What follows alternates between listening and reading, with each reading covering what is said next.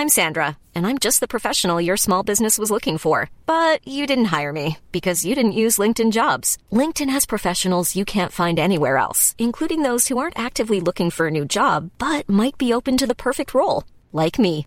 In a given month, over 70% of LinkedIn users don't visit other leading job sites. So if you're not looking on LinkedIn, you'll miss out on great candidates like Sandra. Start hiring professionals like a professional. Post your free job on linkedin.com/people today.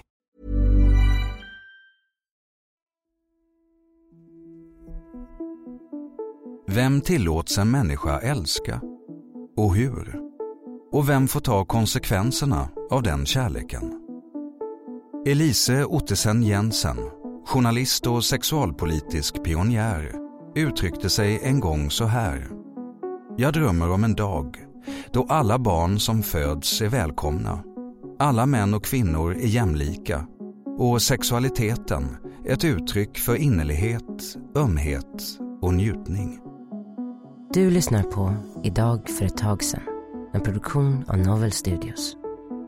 Idag, den 24 februari, fast 1933, grundar Ottesen Jensen tillsammans med några för sin tid radikala läkare organisationen RFSU, Riksförbundet för sexuell upplysning. På förbundets agenda står en rad frågor. Däribland rätt till abort och preventivmedel, sexuell upplysning och avkriminalisering av homosexuella. 1933 lyder Sverige fortfarande under den preventivlag som antagits 1910. Lagtexten formulerar sig strängt om begrepp som tukt och sedlighet. Böter och fängelse hotar vänta den som sprider text eller bild som sårar denna tukt och sedlighet samt för den som säljer, förevisar eller ställer ut föremål avsedda för otuktligt bruk eller för att förebygga följder av könsumgänge. Kondomer, sexualupplysning och aborter är alltså olagliga företeelser när RFSU bildas. Fem år senare rivs preventivlagen upp och ytterligare nio år senare, 1947, blir svenska apotek tvärtom skyldiga att saluföra preventivmedel. Förändringens vindar blåser friskt. RFSUs grundare, Elise Ottesen Jensen, blir genom sin livsgärning en förgrundsgestalt, inte bara för sin organisation, utan för hela frågan om sexualupplysning. Inte minst genom sina praktiska insatser. Utöver sitt politiska påverkansarbete i otaliga debattartiklar reser Ottesen Jensen under 20 och 30-talen runt i landet för att informera fattiga människor med liten eller ingen utbildning om hur man bäst skyddar sig mot könssjukdomar och oönskade graviditeter. Och i förlängningen också undvika det som vid tiden inte var alltför ovanligt i Sverige. Att tvingas lämna bort ett barn man inte hade ekonomiska medel att sörja för. Sexualpolitik är ett mångbottnat område.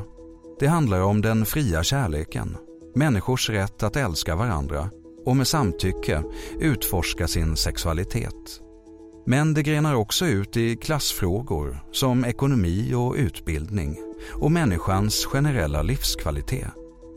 Idag uppmärksammar vi RFSUs grundande och den insats för människors sexualhälsa som Elise Ottesen Jensen och hennes organisation gjort.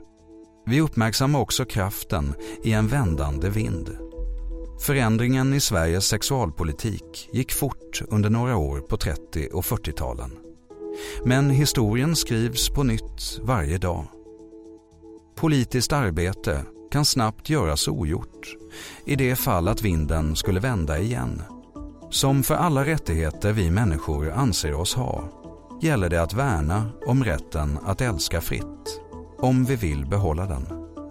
RFSUs arbete fortsätter. Idag, liksom vid starten, för 89 år sedan. Tack för att du har lyssnat på Idag för ett tag sedan som publiceras måndag till söndag. Följ gärna programmet i den app där du lyssnar. Vi hörs imorgon.